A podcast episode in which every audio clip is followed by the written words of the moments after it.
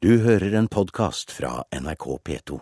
Den tredje store musikkstrømmetjenesten i Norge lanseres i dag. Nå er det elektronikkgiganten Sony som kaster seg utpå, i konkurranse med Wimp og Spotify. Tjenesten deres den har fått det løfterike navnet Music Unlimited.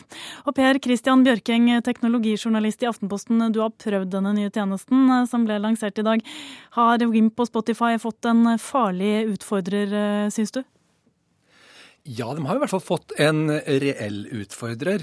Eh, det er veldig spennende å se da eh, kjempen Sony komme litt sent til bordet, for å si det litt forsiktig. Eh, da må man jo ha noe mer å tilby. Og det man har mer å tilby foreløpig, det er jo da litt lavere pris, og så en løsning for å lytte til de MP3-filene som du allerede har. Eh, på en sånn sentralisert, moderne måte, i nettskyen, som det heter. Ja, det må du forklare. Hvordan gjør man det rent teknisk? Ja, Det fungerer sånn at du uh, bare sier at her har jeg mine MP3-filer, og så står da denne applikasjonen til Sony og laster alt sammen opp i, på nettet. Og så kan du høre på det da fra de forskjellige enhetene du har. Og da kan du høre på det sant, eh, i stua, der du selvfølgelig da har en Sony TV eller en Sony PlayStation, ikke sant? Mm. Eh, og kan lytte til dem eh, på disse enhetene, da. Eh, men de har faktisk gjort det mulig å lytte på andre produsenters enheter også til en viss grad. Mm. Hva, hva er det ellers som er forskjell på denne nye tjenesten fra Sony og de som allerede finnes? Ja, de har lagt seg på at det ikke er nødvendig å installere en egen eh, applikasjon på PC-en. Noe som jo er en barriere for mange. F.eks. har jeg noen som er på jobben, skal høre på musikk, og ikke har eh, privilegier til å installere. Eh, det kan være en måte å, å få tak i det markedet på. Men uh, ellers pris og tilgjengelighet, hva kan du si om det? Nei, jeg har gjort uh, litt uh, undersøkelser i dag, da installert dette her på mobilen min. Og det tyder jo på at de er ikke helt oppe å stå når det gjelder utvalget. Spesielt i forhold til norske Wimp, da. Nå tenker jeg på norsk musikk. Ganske stort. altså Det er tolv millioner låter de tilbyr, så det er jo ikke lite akkurat. Det er mer enn du kan høre i løpet av et liv. Men en artist som Thomas Dybdahl f.eks. er jo ikke tilgjengelig i det hele tatt. Og f.eks. så må du vite at eh, Sony ennå ikke har skjønt at vi skriver Åge med norsk Å. Og dermed så må du skrive Aleksandersen for å finne Åge Aleksandersen. Sånne ting da, som gjør at det er vanskelig på en måte å, å, å, konkurrere og bli fullt så bra, i hvert fall fra dag én, som, eh, som Wimp og også Spotify er. da. Men, men det er tolv millioner, var det det du sa? Ja, ja, ja. Eh, det skulle holde.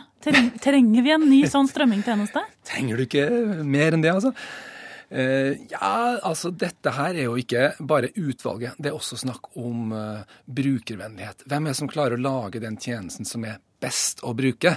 Og alle som har begynt å bruke disse tingene, merker jo at det er fort mye å irritere seg over. Og at den som klarer på en måte å lage eh, det som er mest stabilt, enklest, lettest tilgjengelig, er den som eh, vil vinne. Men selvfølgelig, pris teller også, og det er jo det Sony har satsa på her. Mm. Blir, blir det priskrig i tiden fremover, tror du? Det er ganske interessant, for det har vært veldig stor enighet om at 99 kroner måneden, det er liksom det som er standarden, og det har ikke vært noe forskjell på dette tidligere. Så at man da uh, satser på 89, eh, det er jo interessant. Eh, det har også kommet en annen konkurrent. Dette var den fjerde store tjenesten i Norge, en som heter rara.com, som kom for noen måneder tilbake, som også er tilgjengelig her, og som heller ikke krever installasjon, men som da er et mye mindre selskap. Dette er jo da store Sony, kjempen fra Japan, som kommer og skal prøve å erobre verden litt sånn på etterskudd. Hva tror du Sony egentlig vil med dette? Sony forsøker jo selvfølgelig å ta igjen det tapte.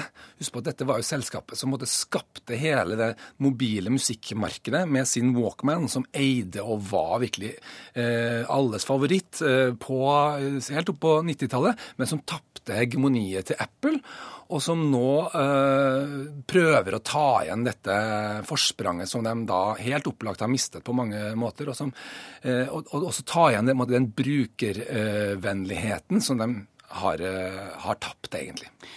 Per Christian Bjørkeng fra Aftenposten, hva gjør all den musikken som er så tilgjengelig med ditt forhold til musikk, egentlig? Hmm. Jeg vil si at det kanskje vanner litt ut den lidenskapen man har til musikk. Altså dette her at uh, musikk er litt vanskelig tilgjengelig, er også noe som gir det litt mer verdi. Og det er jo ikke uten grunn at mange av de mest, mest ihuga musikkelskende er de som lytter på vinyl, f.eks. Det er veldig vanskelig tilgjengelig, og det gjør at har du først en vinylplate, så lytter du på den gang etter gang. Du, du liker det du har og behøver ikke noe mer? Ja, jeg er jo den typen som jeg lytter til musikken min på, på disse strømmetjenestene. Jeg syns det er bedre. Jeg elsker å ha eh, tilgang til så mye musikk jeg bare kan orke å høre på. Hele tiden ha noe nytt. Jeg elsker det. Så jeg kommer ikke til å gå bort fra det. Men jeg ser også at du kan eh, tape eh, noen aspekter. Du kan det. Du har hørt en podkast fra NRK P2.